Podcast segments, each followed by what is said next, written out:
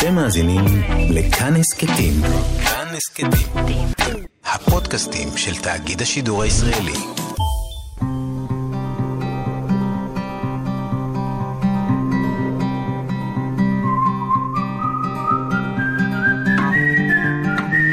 אחת פלוס חמש. אורחים וספרים עם ענת שרון בלייס. זה ספר שבאמת, אם אני צריך עכשיו לקחת מישהו ביד בחנות ולקחת אותו למדף ולהסביר לו, אז אני אגיד ככה שיש באמת ספרים קטנים וספרים גדולים, ויש ספרים שאפשר אה, אה, באמת אה, לקרוא אותם כמו ממתק או כמו מנה ראשונה. הספר הזה, הייתי משווה אותו, כמו שאת אמרת, אולי לעולם הארכיטקטורה, וזה ממש ספר שאפשר להתגורר בתוכו, כמו שיש כמה, כמה ספרים, לא הרבה, כאלה שאפשר לגור בהם.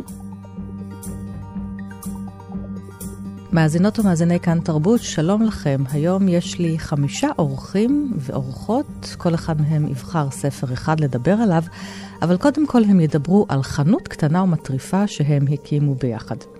מדובר בחמש הוצאות ספרים קטנות שהחליטו להקים חנות ספרים עצמאית משותפת.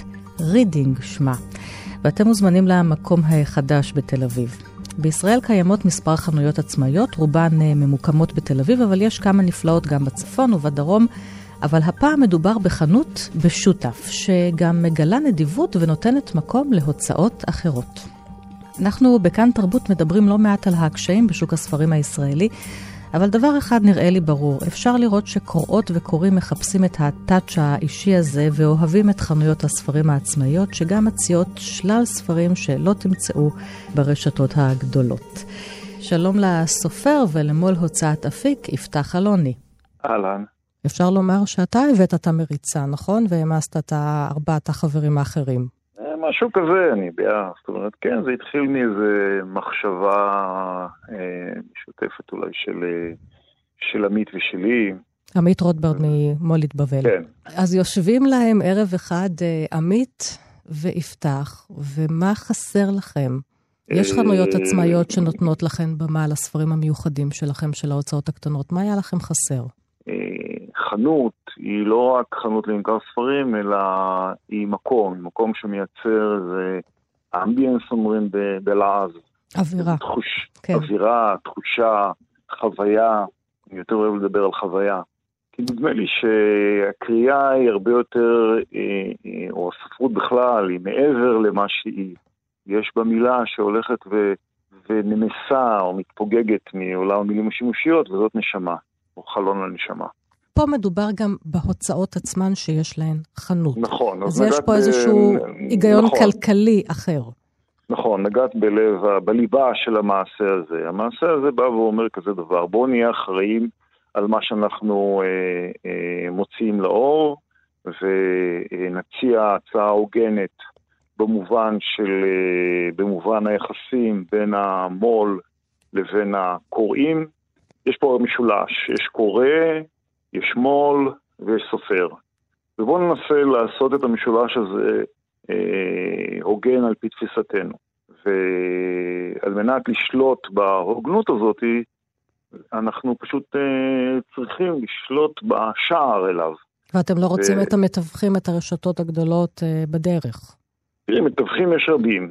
כן. אה, לאו דווקא רשתות, יש גם מפיצים, ויש פה איזו מערכת שלמה שניזונה מה...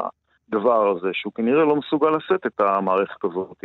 כלכלית. שרשרת המזון, כן, אני מדבר כלכלית. שרשרת המזון הזאת היא, היא ארוכה מדי, גדולה מדי, מסורבלת מדי. אז אני אשאל ו... אותך, אם הכל גדול ומסורבל, למה אתה צריך מקום? הרי היום אנשים קונים ספרים באינטרנט, וזה גם גדל בתקופת הקורונה, למה שאתה לא תמשיך ככה? אין לזה בסיס אה, במובן הכלכלי הטהור. כמו שאת אומרת, יכולתי להמשיך לי, לפתח את אותם, את אותם השקעות, משאבי זמן, משאבי כסף, יכולנו להשקיע אותם כל אחד בהוצאה שלו, במרחב האינטרנטי, ולשכפל או לשכלל את החנות האינטרנטית. אני חושב שיש ערך למקום. קשה okay. אוקיי. להגדיר אותו, קשה לתת לו בסיס רציונלי. מקום, ש... ואני מוסיפה על זה, והמפגש האנושי. אה, את התחלת את השידור בזה שאמרת חנות קטנה ומטריפה. בעצם אני חושב שהליכה קדימה אל הדיגיטל, אל ה-AI ואל כל מה שהוא מייצר ומאפשר, היא הליכה בכיוון אחד. ויש את ההליכה בכיוון האחר, שזאת הליכה אחורה, אל תוך הזיכרון. כן. עכשיו, סליחה שאני כזה קצת אה, פילוסופי, אני חושב שיש דברים שהם קשורים לתשוקה. קשה לנו להבין אותם, אנחנו לא יכולים להסביר כל דבר. יש חוויה, חוויית הקנייה של ספר היא דבר מורכב. זאת אומרת, אני לא חושב שיש מישהו שיודע לומר בדיוק מה זו החוויה הזאת, מה מתגלה לך שם בתוך החוויה הזו. אבל זה לא מדיד. לעומת זה, להיכנס לחנות ספרים, עבורי תמיד, מאז שאני זוכר את עצמי כילד, שהייתי מגיע מהקיבוץ אה, לעיר ונכנס לחנות ספרים, יש איזה מין תחושה של אה, היפרדות מהיום-יום, הרעשים שבראש, ופתאום אתה נשאב אל תוך עולם שכולו אה, חלום ו- ודמיון, ו- ומאפשר לך מסעות ומאפשר לך דברים שהמציאות, כמו שאנחנו נוהגים להגדיר אותה, המציאות הקונקרטית, היא... אין את זה בה. כן, וגם לא באתר. וגם לא ו- באתר אינטרנט שמוכר ספרים. עכשיו בואו נדבר קצת אה, במרחב הכלכלי. אתם חמש הוצאות שבצורה כזו או אחרת, אתם לא תרוויחו, בטח אה, תעשו מיליונים מהחנות הזאת, אבל לא תרצו להפסיד. ואתם גם נותנים מקום להוצאות אחרות, כן. תראי, ביניהן ההוצאות הגדולות. מה ההיגיון ש- הכלכלי כאן? את יודעת, את לא שואלת את הבן אדם הנכון, כי... לא, אני לא, קיבוצניק. לא מתחמק, לא, לא שואלת את הבן אדם הנכון, כי תראי, השדה הזה הוא, הוא בעיניי שדה אחר, ו, אה, ואני מניח שרוב ה... ש, שגם גם חבריי ב, בהוצאות הקטנות, זה נכון שהם, זאת אומרת, אנחנו רוצים שזה ירוויח, ושזה יהיה כלכלי, ושזה, אה, זה לא מילה מגונה.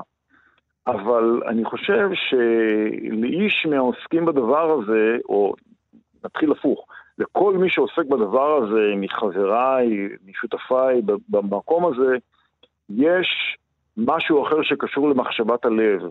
אני חושב שמי שרוצה לדבר על כסף או להרוויח כסף, הוא מסתכל דרך עין הכסף, ואגב, אינני בז לזה, או אינני מקטרג את זה. זה לא המקום, זה לא השדה. זה הספרות עד כמה שאני יודע, תמיד היה אה, אה, שדה מורכב מאוד מהבחינות האלה, בטח להוצאות קטנות אה, אה, כמו שאנחנו... אז מחשבת אה, הלב מדריכה אתכם, מחשבת אני יכול התרבות. לדבר על עצמי. כן. עכשיו, יפתח, כן. יש הוצאות שלא תציג בחנות שלך, את הספרים שלהם, או שכולן מוזמנות? אני לא רואה אף הוצאה שאני לא אציג. אני חושב שיש איזשהו, איזושהי לקטורה לגבי החנות. זאת אומרת, זו שאלה מורכבת, אבל הכוונה היא לא להגלות או להקצות ז'אנר מסוים. ותראה, אני חושב שיש פה, שהמעשה הזה, יש לו uh, כל מיני אדוות. ואדוות אני מתכוון uh, לדבר הזה שנקרא uh, תשוקה, שגם לה אין איזה בסיס uh, שיש לה על מה, את יודעת, מה הבסיס של תשוקה? למה אנשים עושים דברים מתוך תשוקה? אז אני חושב שיש פה איזו אחריות. אני חושב שהאחריות שלנו, של כל אחד, אה, ומי שעוסק בתחום הזה של הספרות, יש לו איזו חובה פנימית, והחובה הפנימית שלו קשורה לעתיד, כמה שהיא מילה מוקצה.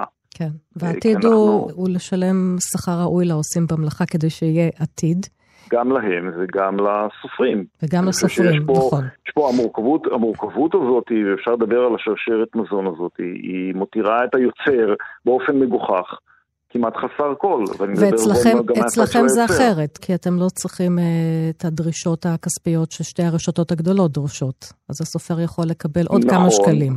לכן אני חושב שכל הדברים האלה מאפשרים הסתכלות חדשה ושונה על המערכת הזאת שנקראת אה, סופר, מו"ל, קורא.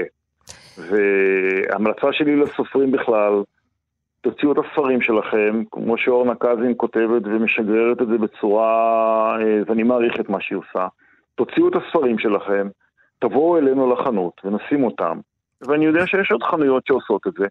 שנותנות מקום ל... אה, לספרים שרואים אור על ידי הסופרים. ולמה לא? הזכויות שלכם, הכל שלכם. בואו תעשו את זה. ספר אחד, אני מבקשת מכל אחד מכם את הבלתי אפשרי, ספר אחד מההוצאה שלך, שאתה חושב שאם מישהו ייכנס לחנות, שיקנה את הספר הזה. קודם כל אסור לי להגיד את זה. בטח לי, כי אני מוציא רק, רק ספרות ישראלית, וכל כן. הסופרים הם פה מסביב. אז, אבל אני חושב שגם כשאני לא אומר את זה, אז ביקשת, אז כן. בשבילך אני בחרתי בספר של שייח' חליווה. סופרת נהדרת, סופרת ומשוררת, פלסטינאית כן. בדואית. שגרה ביפו. אבל אני לא רוצה להגדיר אותה ככה. זאת אומרת, הכתיבה שלה היא פשוט מדברת אל ליבי ומדברת ממקום שבו לדעתי, אה, או להרגשתי, ספרות מפתחת את החוויה של קריאה. ואני יכול להקריא כל סיפור, זה ספר סיפורים קצרים, באמת מאוד קצרים. אני יכול לגעת פה בכל סיפור, אני... נאמר רק ששם הספר שלה זה את נחתלי נביחות, ותרגמה אילנה המרמן.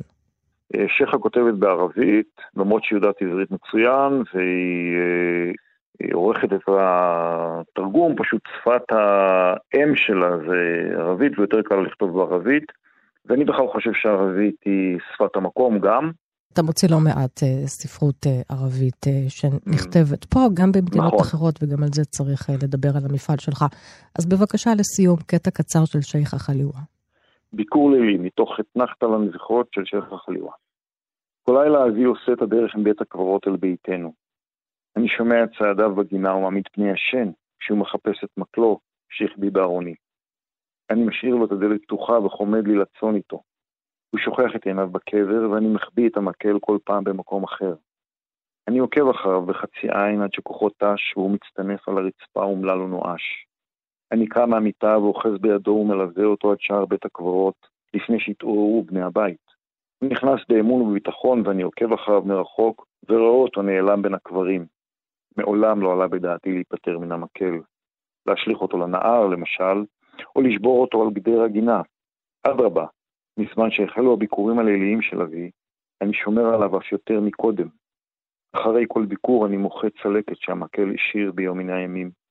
אחת על כתפי הימנית, אחרת על השוק השמאלית שלי, והרבה צלקות קטנות שמפוזרות על אורי ומתחתיו. הסופר ומו"ל הוצאת אפיק, יפתח אלוני. תתחדשו על החנות. תודה רבה לך.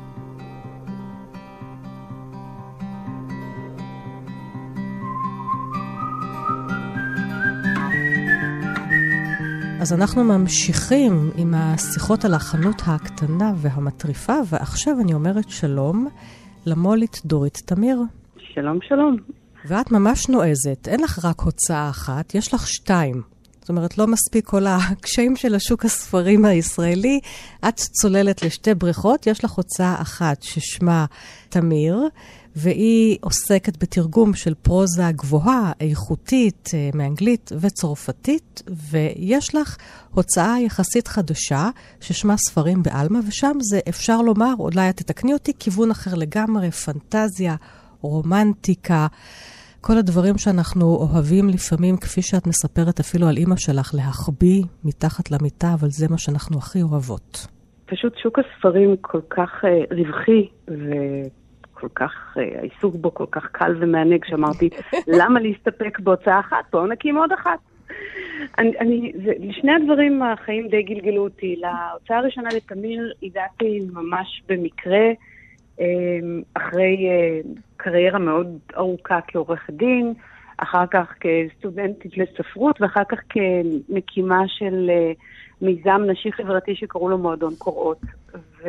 ובמיזם הזה נחשפתי לצורך שלי לשלוט גם במה שאני קוראת. זאת אומרת, לא רק אה, מה אני בוחרת לקרוא מתוך מה שיש, אלא באיזשהו רצון שלי להחליט מה יש שם שממנו אפשר לבחור. אה, ולכן קמה תמיר, אה, היא קמה ממש במקרה, אה, נתקלתי בהודעה על הוצאת ספרים שספר שלה מאוד אהבתי ועמדה להיסגר ופשוט קניתי אותה. הצורך בספרים בעלמא זה משהו שנוצר בתקופת הקורונה. הספרים שאני מוציאה בתמיר הם ספרים מעולים, אבל הם ספרים לא פשוטים. הם ספרים כן. שמחייבים מחשבה והרהור, ומשאירים אותך עם מחשבות והרהורים, והם לא ספרים קלים מאוד לנפש. בקורונה אני לא הייתי מסוגלת לגעת בדברים כאלה. אני רק רציתי ספרים ש...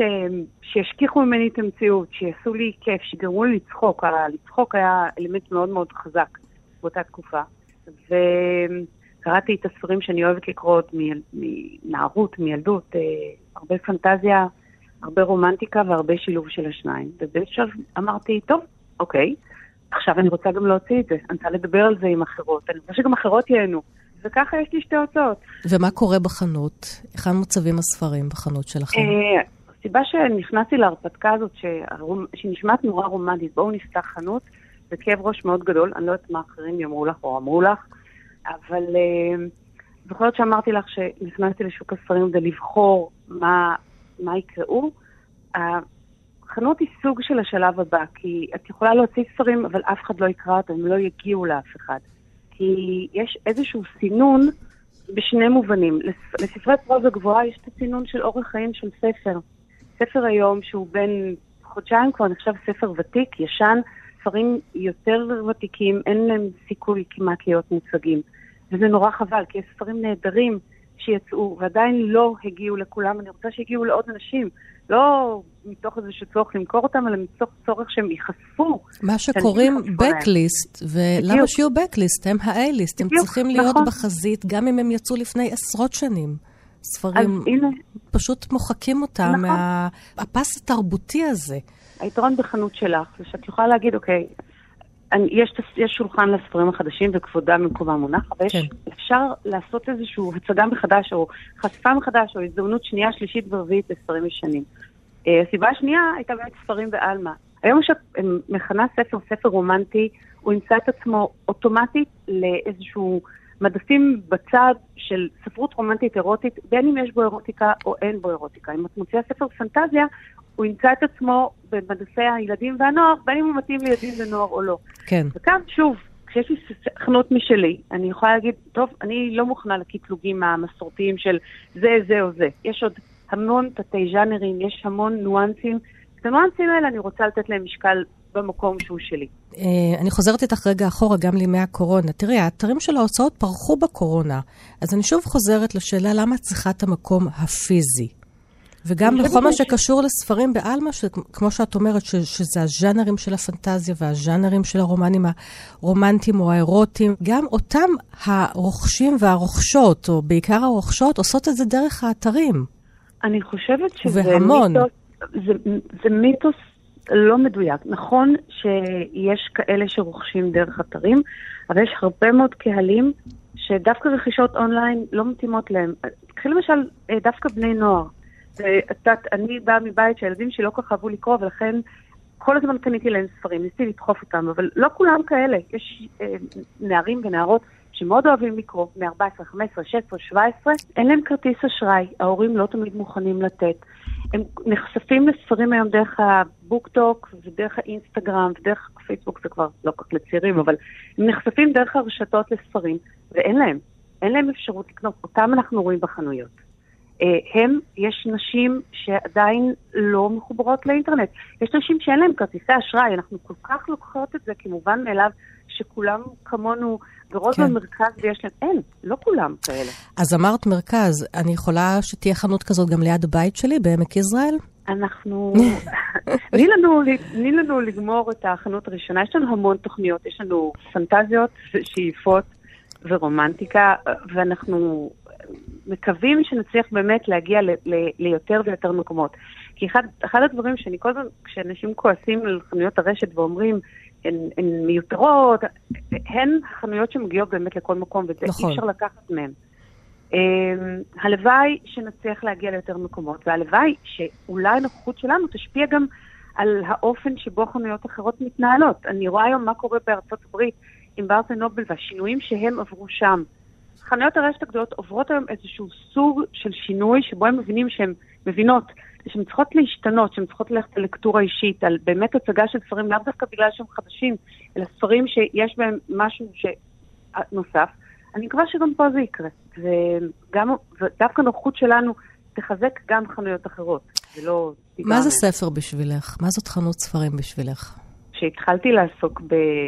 בספרות מבפנים, הרגשתי כמו ילדה שמגיעה למפעל של שוקולד, לא חנות של שוקולד אפילו, למפעל, שאת יכולה לקחת ממה שאת רוצה, מאיך שאת רוצה, וואו. וואו. ספרים, ספרים זה אהבה שלי מאז ומתמיד. אני מה... יש תמיד את האלה שאומרות, אנחנו כשהיינו צעירות היינו הולכות לספרייה כל יום, מחליפות שלושה ספרים וחוזרות למחרת, אז אני מאלה.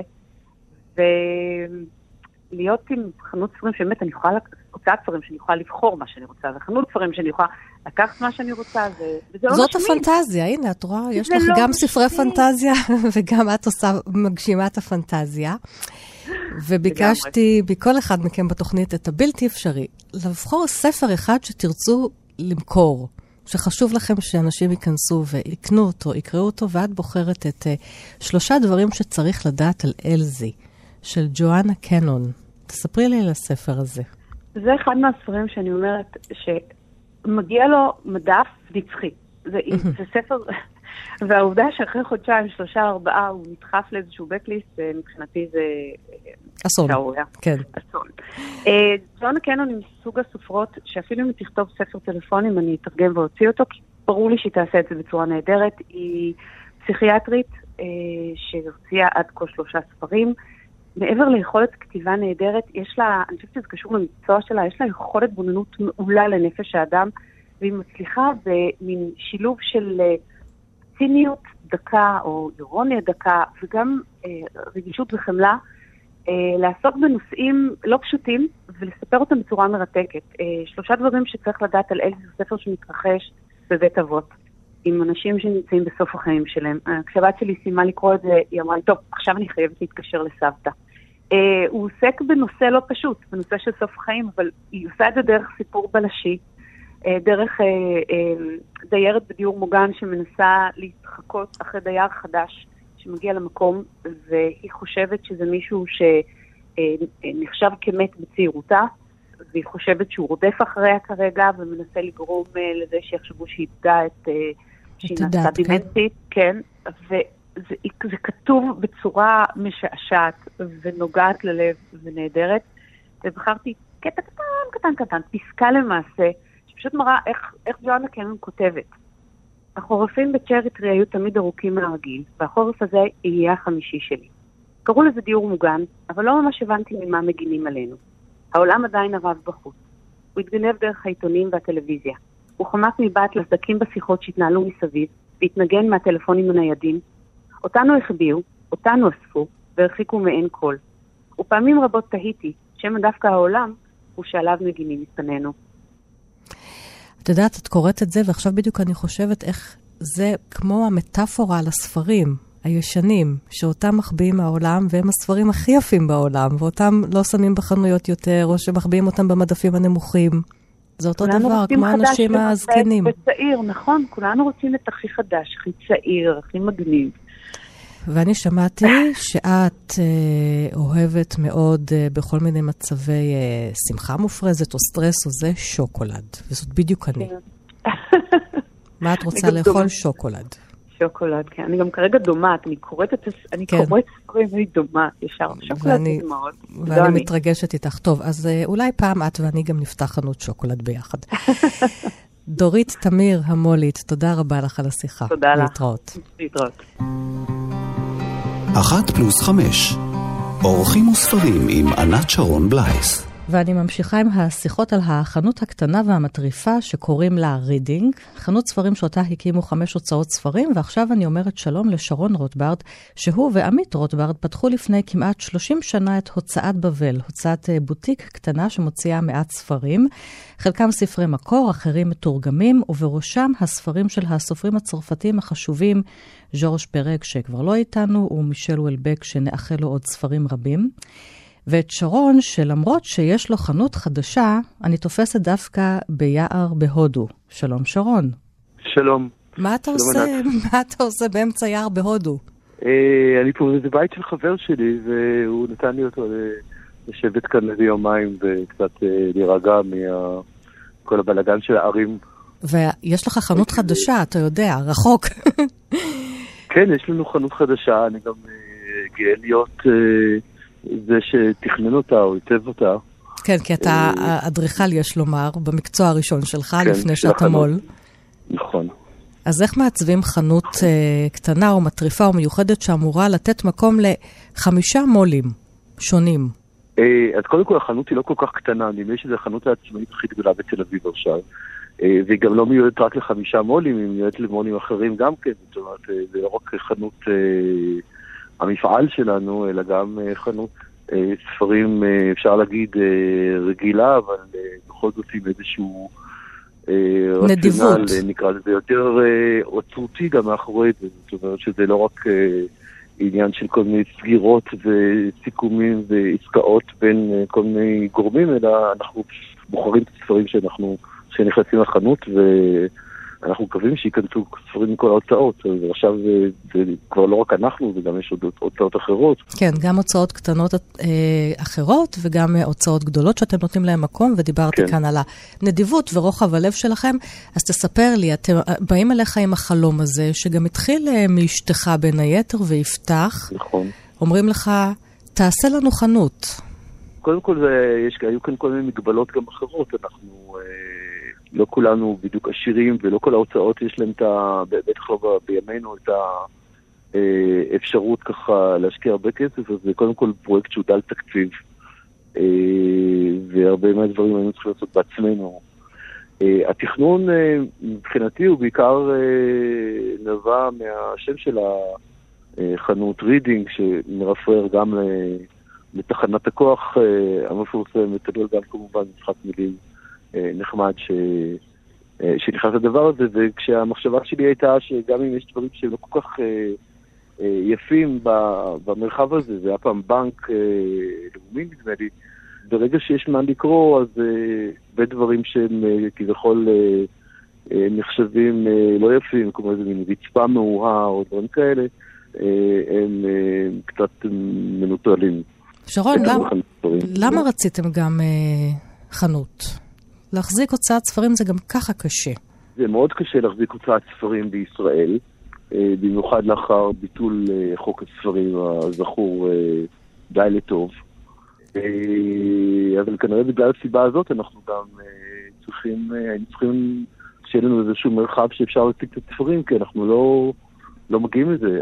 יש רוב החנויות החליפו הרשתות, שמציגות בדרך כלל מבחר די יחיד של, של ספרים, שבדרך כלל של המו"לים היותר גדולים, וגם אולי כותרים שהם יותר מסחריים, פופולריים, אז מצב כזה הרבה הוצאות אה, כמונו, פשוט לא היה להם מקום... אה, כן, לא, לא רואים אתכם אה, במרחב הציבורי בחנויות כן. ספרים רבות, בטח.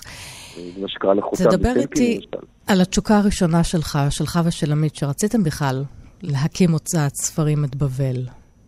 תראי, קודם כל זו תשוקה של עמית בעיקר. אני, כן. כש, כשעמית התחילה את בבל, אני חשבתי, התעניינתי בדברים אחרים. אבל מכיוון שזה עסק שנולד בבית, אז זה... נגיד את זה ככה, זה חלק מהמטלות הביתיות שלי, אה, היה גם אה, לתת יד אה, במפעל הזה. חשבנו שיש הרבה ספרים שפשוט חסרים, אז המטרה שלנו הייתה פשוט לנסות ולסתום את כל החורים האלה. היה חסר, היה חסר פרק, היה חסר סימון דה בובואר, היה חסר הרבה ספרים אחרים שהוצאנו שהם ספרים שחשבנו שהם צריכים לצאת ופשוט איכשהו התפספסו. כן, ופרק זה ממש מפעל שלכם. ושאלתי אותך איזה ספר אתה תאמר למישהי או מישהו שנכנס לחנות שהוא חייב לקרוא אותו, ואמרת, החיים הוראות שימוש. עכשיו, זה ספר גדול, מאות עמודים, שבו פרק כאילו מקלף את הקיר הרביעי מעל בניין מאוד גדול, ונותן לנו להציץ פנימה לכל הדיירים בבניין הזה, שחלק מהם הם גם אומנים, ציירים, זה חלק מאוד uh, חשוב בתוך הספר, אז אנחנו מציצים אליהם, כאילו זה היה איזשהו בית בובות. ספר שנראה לי שבאיזשהו מקום הם, סיפק או מספק את, ה, את הזכות הקיום שלנו. זאת אומרת, אם היינו צריכים להתקיים רק בשביל ספר אחד, זה בטח היה הספר הזה.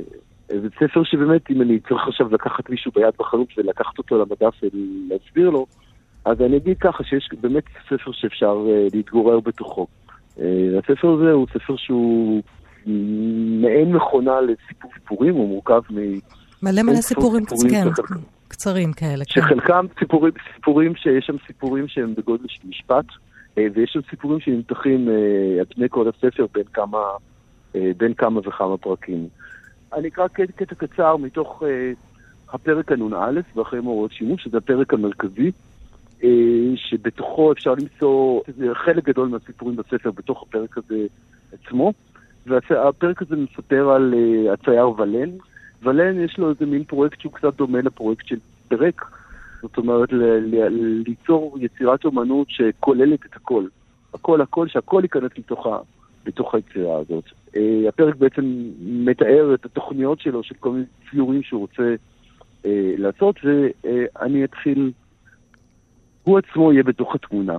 כדרכם של ציירי הרנסאנס שהיו שומרים לעצמם תמיד איזה מקום זעיר בתוך המון וסאלים, חיילים וסוחרים. לא מקום מרכזי, לא מקום מיוחס ומשמעותי בנקודת חיתוך נבחרת, בהתאם לפרספקטיבה מהירה כזאת או אחרת. תוך הערכה של מבט מסוים כבד משמעות שעל בסיסו ניתן יהיה לבנות פרשנות מחודשת של התמונה, אלא מקום שלכאורה אינו מעלה ואינו מוריד. למשל, נעשה הדבר סתם כך, כבדרך אגב, במקרה פחות או יותר, משום שהרעיון לעשות זאת התעורר כביכול בלי לדעת על מה ולמה. כאילו כמעט לא רצו כל כך שהדבר יורגש. כאילו לא היה אמור הדבר להיות אלא חתימה ליודעי חן. משהו כמין סימן שמזמין התמונה עשוי בדוחק לסבול כחתימת הצייר על יצירתו. משהו שאינו אמור להיות ידוע אלא למתי מעט ולהישכח במהרה. משאך ימות הצייר יהפוך הדבר למעשייה שתעבור מדור לדור, מסטודיו לסטודיו, אגדה שאיש לא יאמין בה עוד, עד שיום אחד יגלו את ההוכחה לה, הודות לאיזו הצטלבות מקורות מקרית, או אגב השוואת התמונה עם מתווה הכנה שנמצאו במחסני איזה מוזיאון. או אפילו באופן אגבי לגמרי, כמו שקורה תוך כדי קריאת ספר, כשנתקלים במשפטים שכבר נקראו במקום אחר. ואולי אז ייתנו את הדעת למה שהיה תמיד מיוחד במקצת בדמות הקטנה הזאת. לא רק הקפדה גדולה יותר שהושקעה בפרטי הפנים, אלא ניטרליות גדולה יותר, או איזו דרך משלה להטות את הראש באופן בלתי מורגש כמעט. משהו שיש בו מן ההבנה, ארוך מסוים, שמחה שאולי טבועה בגעגוע. התרגום המונומנטלי הזה שייך לעידו בסוק, שעשה עבודה מדהימה. ו... אתה מרגיש ככה כמו הצייר שמצייר את עצמו?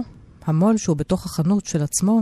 כן, אני, אני, אני מרגיש ככה, אה, כן, מין דמות כזאת שהיא נמצאת מאחורי הקלעים, שלא בדיוק רואים אותה, אבל אה, היא איכשהו כן, כן קיימת. אז, אז די דומה באיזשהו מקום לתפקיד שלנו בתוך כל הסיפור הזה.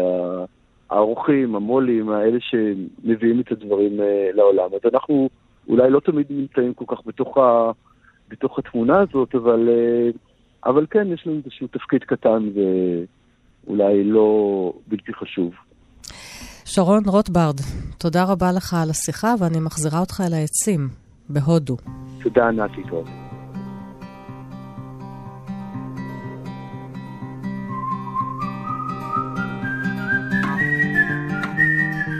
ועכשיו אל ארגז החול באמצע החנות בשותף. שלום למאיר אפירון. שלום וברכה. את uh, עם הוצאת טל מאי, מביאה על מדף הספרים ספרי ילדים, ספרי נוער מהארץ ומהעולם, משובחים, נכון, מעניינים. נכון. אז uh, לפני שניגש אל החנות, תספרי קודם כל על ההוצאה, שכבר היא חוגגת 18 שנים, נכון? כן, בהחלט. Uh, היום uh, ובשנים האחרונות, כבר די הרבה שנים, uh, יותם שווימר הוא העורך הראשי של ההוצאה, אבל זו הוצאת ספרים נורא קטנה, אז בעיקרון אנחנו כמעט עושים הכל.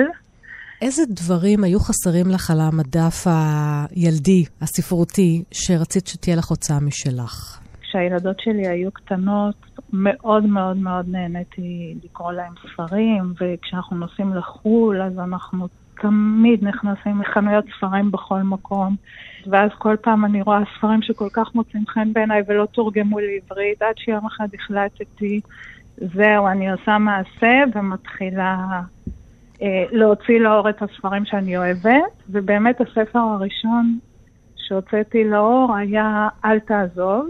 טוב, את אומרת, יום אחד החלטתי, אבל את יודעת, צריך אה, לקנות זכויות, לשבת לתרגם, למצוא בית דפוס. בהחלט. לעשות וזה מפעל. וזה מה שעשיתי.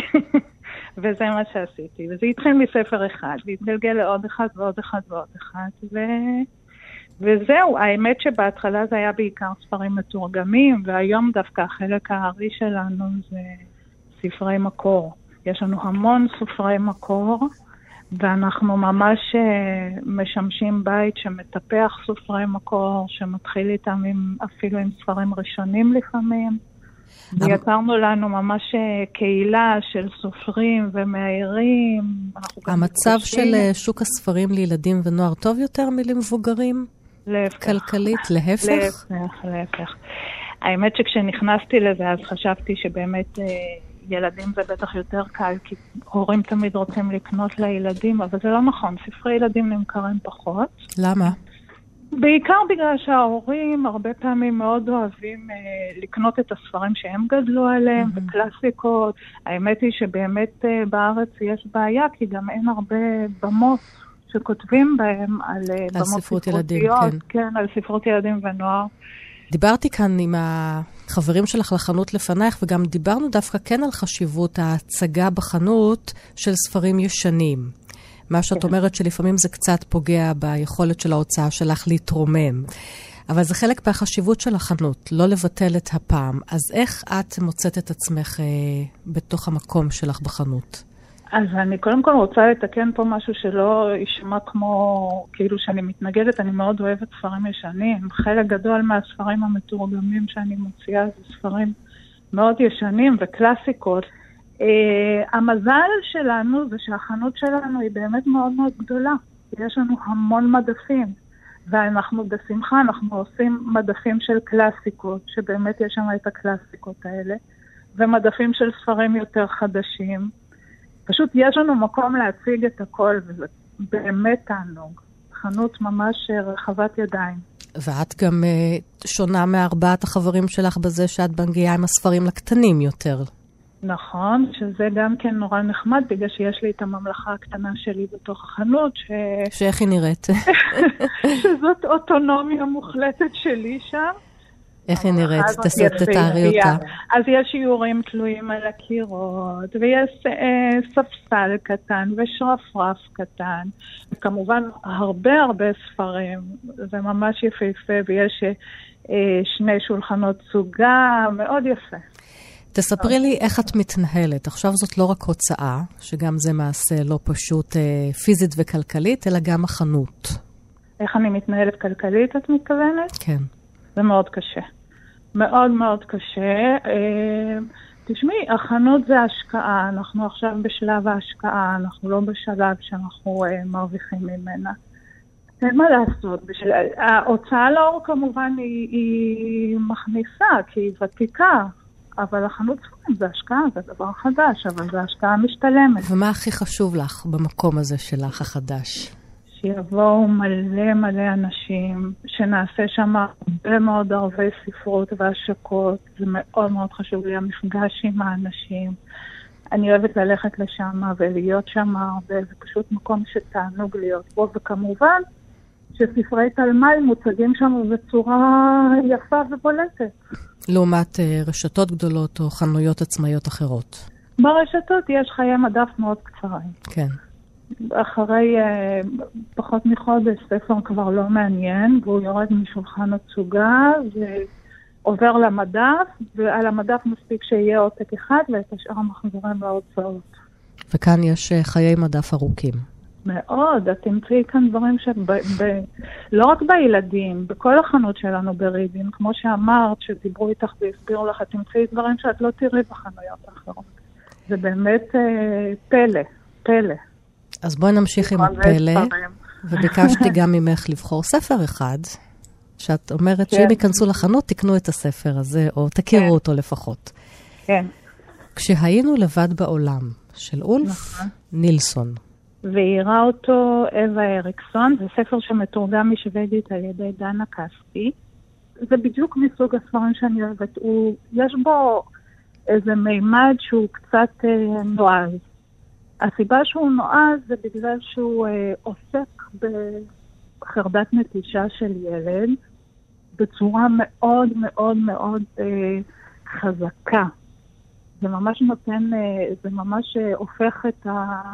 הופך את הלב, מרטיט את הלב כשקוראים את הספר הזה, ולהורים הרבה פעמים יש מין לחץ כזה, הם נורא נלחצים לא לאמת את הילדים עם הרגשות האלה, וזו טעות לדעתי. אה, דווקא כשקוראים את הספר הזה, אז אה, יש משהו מאוד מרגיע ומאוד מנחם, והוא גם, למרות, ש, למרות כל מה שתיארתי עד עכשיו, הוא גם מצחיק. מצחיק ומלא קסם, עם איורים נפלאים. אז עכשיו אני מחכה לשעת סיפור שלי. אוקיי. בבקשה. אוקיי. יום אחד בגן למדתי לקרוא שעון. השעה תשע, השעה עשר, השעה אחת, השעה שתיים. בדרך כלל אבא אוסף אותי בשעה שלוש, אבל באותו יום הוא לא חיכה בחוץ. בסוף הלכתי הביתה לבד. אנחנו גרים קרוב לגן. אבל למה הוא לא בא? מה קרה? דלת הבית שלנו הייתה נעולה. קראתי לאימא ואבא, אבל הם לא היו בבית, הם נעלמו, ואיתם גם אחי הקטן. הבנתי שהם מתו. משהו קרה להם, אולי דרסה אותם משאית. התיישבתי על המדרגות בכניסה ובכיתי. הייתי עצוב מאוד. עוד לא מלאו לי שש ואני כבר לגמרי לבד בעולם. והבית שבו גרנו נעול, לבד בעולם. מה קרה לאחי הקטן? אולי הוא היה עדיין בגן כשהמשאית דרסה את אמא ואבא? רצתי כל הדרך לגן שלו. המרחק לא גדול, ראיתי אותו עומד בארגז החול ושופך חול על ילדה קטנה עם מוצץ בפה. חיבקתי אותו ובכיתי. הוא הביט בי מופתע. הייתי מוכרח להפסיק לבכות, ומיד. אסור שיראה כמה נורא הכל, כי אז הוא יהיה עצוב.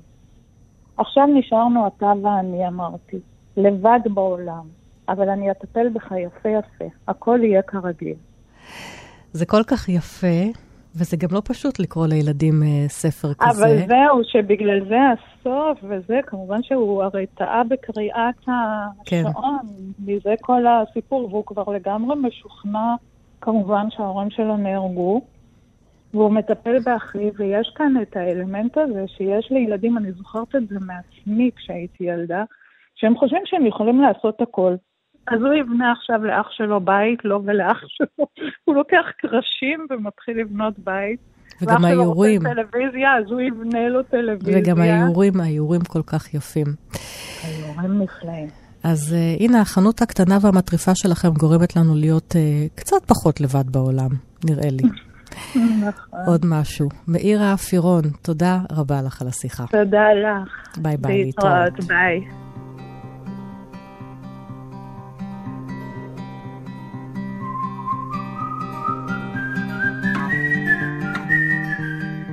שלום דוד גוטסמן. שלום. יש לך הוצאה שגם הלכה וגדלה עם השנים, אי אפשר כבר לקרוא לה הוצאה קטנה, אלא זאת בהחלט אולי הוצאה בינונית אה, פלוס, שמפיצה מפיצה ספרי אה, פרוזה, ספרי שירה, ספרי עיון ועוד ועוד אה, דברים רבים. מה שאני אוהבת זה שההוצאה שלך יושבת בחיפה, כמעט ואין הוצאות ספרים שלא יושבות או בתל אביב או בירושלים, במרכז. תספר לי קצת על ההתחלה של ההוצאה של פרדס, על ה... איך אתה נכנס אל הפרדס. הוצאת פרדס התחילה את הפעילות שלה בשנת 2000. לא באתי מתחום הספרות, אבל כן באתי מתחום ההוצאה לאור. אני עבדתי לפני כן בהוצאת ספרים מאוד קשור לתחום, מאוד קשור לענף. וכך החלטתי להקים את ההוצאה. אבל היה ספר מסוים שאמרת, אני רוצה להוציא אותו לאור, אני לא רואה אותו בהוצאות אחרות?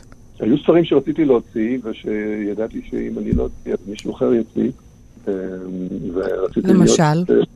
בזמנו, הספר הראשון שהוצאנו היה אוטופיה לאדונים של נועם חומסקי. כן.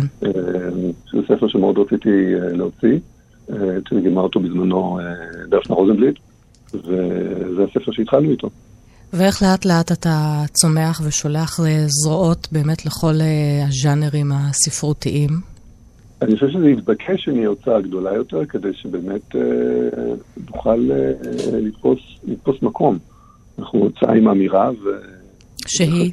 מה זאת האמירה? אה, יש לנו אג'נדה חברתית אה, די ברורה. אפשר לראות את זה בעיקר בספרי העיון שאנחנו מוציאים. אנחנו מוציאים לא מעט ספרים בתחומים של מגדר, פמיניזם, איכות סביבה, סוגיות חברתיות למיניהן, וגם אג'נדה תרבותית. אנחנו מוציאים לא מעט ספרי שירה, שיש הרבה יותר מהוצאות ספרים אחרות. דוד, אתה לוקח כסף מאנשים שמפרסמים אצלך? יש מקרים שכן, אין ברירה, וספרים שחייבים סיוע במימון או, או על ידי הכותב עצמו, על ידי איזשהו גורם מטעמו. אז אם הוא לא קיבל תמיכה מגורם אחר, למה להוציא את הספר? הרבה פעמים סופרים, בייחוד סופרים שכתבו ספר ביקורים, הם צריכים את הבמה הראשונה, את המקום הראשון ש... שיסכים להוציא את הספר שלהם. אנחנו בוררים בקפידה את הספרים שאנחנו מוציאים, גם אלה שהם בתשלום, אנחנו מקבלים אולי אחוז בודד מכל, ה... מכל כתבי היד שאנחנו מקבלים. ומה חשוב לך שיהיה בחנות, מבחינה ספרותית, מבחינת קהל? מה חשוב לך שיתרחש שם? שלא יהיה רק יהיה במכירה, אלא גם שיהיה שם מפגש, שיגיעו שם אנשים שישבו ויקראו ושידברו על ספרות. זה דברים שאני חווה בחנויות ספרים בחו"ל, שהן תמיד מלאות, והפנטזיה שלי זה שזה מה שיקרה גם בחנות שלנו. עכשיו, פרויקט מאוד חשוב שאתם עושים איתו שיתוף פעולה בשנה, שנתיים האחרונות, זה מכתוב.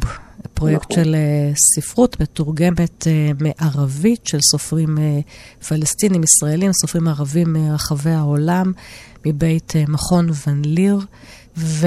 ומה חשוב לך שאנשים יקראו? תראי, בסך הכל אנחנו מוצאים לא מעט ספרות עיון שהיא ספרות ביקורתית. שמעוררת מחשבה ביקורתית, וזה דבר שאני באופן אישי מאוד, מאוד מעודד שאנשים יפתחו. וביקשתי ממך, אגב, ספרות עיונית, לבחור ספר שאתה אומר שמי שייכנס לחנות צריך לרכוש אותו, ואתה בוחר בספר מה זה אנרכיזם של אלכסנדר ברקמן. המילה אנרכיזם היא מילה ש... שהיא הפכה לכמעט כינוי גנאי, או לא כמעט, הפכה לכינוי גנאי כנגד כל מי שמבקר את המוסדות, מבקר את השלטון, מבקר את, ה, את דרך החשיבה המיינסטרימית, ובעצם מי שמגדיר כיום במדיה מה זה אנרכיזם, זה, זה אנשים, ש... אנשים וגורמים שמתנגדים לחשיבה ביקורתית. ואחת המטרות שלי כמו"ל, כמו"ל עצמאי, להביא קולות בשם אומרם, של לתת לאנרכיסטים להגדיר מה זה אנרכיזם. הוא היה סופר רוסי, אמריקאי, שחי בסוף המאה ה-19 עד 1936. הוא התאבד. הוא לא היה סופר, הוא היה, הוא היה בעצם פעיל, פעיל, כן. פעיל אנרכיסטי, הוא היה גם בן זוג של אמה גולדמן, שגם הייתה פעילה והוגת דעות אנרכיסטית. מאוד חשובה, נכון. הם שניהם היו כמובן, לא כמובן, הם גם יהודים ממזרח אירופה. וגם בילו בבתי הסוהר, במרכאות בילו. כן, נכון. מה העשייה החשובה שלו, של אלכסנדר ברקמן? ניסה, ניסה להגדיר בספר הזה, במילים מאוד מאוד פשוטות, מה, מה זה אנרכיזם, מה זה... ולחבר כמה שיותר אנשים לרעיון הזה, שהוא, יכול להיות שהוא רעיון אוטופי, אבל ברגע ש, שמכוונים אליו, אז, אז אפשר, אפשר לחיות חיים אחרים, אולי יותר חופשיים, יותר מכילים, יותר מכילים את האחר. אני אקרא, אני אקרא קטע מהמבוא. אני רוצה לספר לך על אנרכיזם, אני רוצה לספר לך מה זה אנרכיזם, מכיוון שאני חושב כי טוב שתדעי על זה. סיבה נוספת, מכיוון שכל מעט ידוע על אנרכיזם, וכל מה שידוע עליו בדרך כלל מקורו בשמועות ועל פי רוב הינו מוטעה או כוזב. אני רוצה לספר לך על אנרכיזם, מכיוון שאני מאמין כי אנרכיזם זה הדבר הטוב והחשוב ביותר אשר האדם חשב עליו מאז ומעולם. הדבר היחיד שיכול להביא לך חירות ורווחה, להביא שלום ושמחה אל העולם. אני רוצה לספר לך על זאת בשפה פשוטה וברורה, עד כדי כך שלא תהיה אי-הבנה ביחס לאנרכיזם. מילים של בית מרקחת והתבטאויות גבוהה גבוהה משרתות בדיוק את הרצון לבלבל, או להביך. חשיבה גלויה משמע דיבור פשוט. אולם לפני שאספר לך מה זה אנרכיזם, אני רוצה לספר לך מה זה לא. דבר הכרחי, מכיוון ששקרים כה רבים הופצו על אנרכיזם. אפילו לאנשים נבונים, יש לעיתים תכופות מושג בכלל לא נכון על אנרכיזם. יש אנשים המדברים על אודות אנרכיזם בלי לדעת דבר על זה. ויש המשקרים בנוגע לאנרכיזם מכיוון שהם לא רוצים שתדעי את האמת על זה. לאנרכיזם יש אויבים רבים, והם לא יגידו לך את האמת על אנרכיזם. החנות היא מעשה אנרכיסטי? דוד. אמ, אפשר לראות את זה כמעשה אנרכיסטי, כי הוא, אה, כי הוא עצמאי, הוא לא תלוי בדבר. הוא שותפות של, אה, של כמה הוצאות שהם, שאפשר להגיד עליהן שהן מאוד שונות אחת מהשנייה, לפחות בחלקן. ו... ואנחנו מסתדרים מצוין, וזה הרבה קהל בא לחנות, וכן, אני רואה את זה כמעשה, כמעשה אנרכיסטי. ואתם גם נדיבים כלפי הוצאות אחרות, שהן לא בהחלט. לא אתן, ונותנים להם גם מקום בחנות שלכם. בהחלט, בהחלט, זה הרעיון. מקום של רוח. תודה רבה לך, דוד אה, גוטסמן. תודה רבה. תודה לך. It's pretty bright up on the rainbow bridge tonight. I could see into your window, although you're far away. You were racing in a car beside a boy you just don't.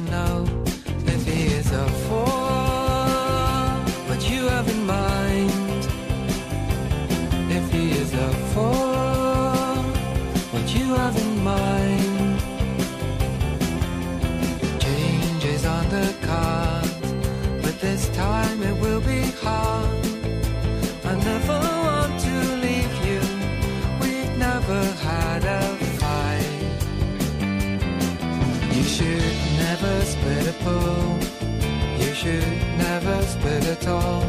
I wish I had two paths I could follow. I write the ending without any sorrow. מאזינות ומאזיני כאן תרבות, עד כאן התוכנית אחת פלוס חמש. תודה לאורחים שלי, המו"לים יפתח אלוני, דורית תמיר, דוד גוטסמן, מאיר אפירון ושרון רוטברד. כולם מוזמנים לחנות הקטנה והמטריפה שלהם, שקוראים לה רידינג. וגם להאזין לכל תוכניות אחת פלוס חמש, שגם תמיד יש בהן מקום ומלא מלא מדפים לכל הספרים האהובים של פעם. אני ענת שרון בלייס, תודה לכם ולהתראות.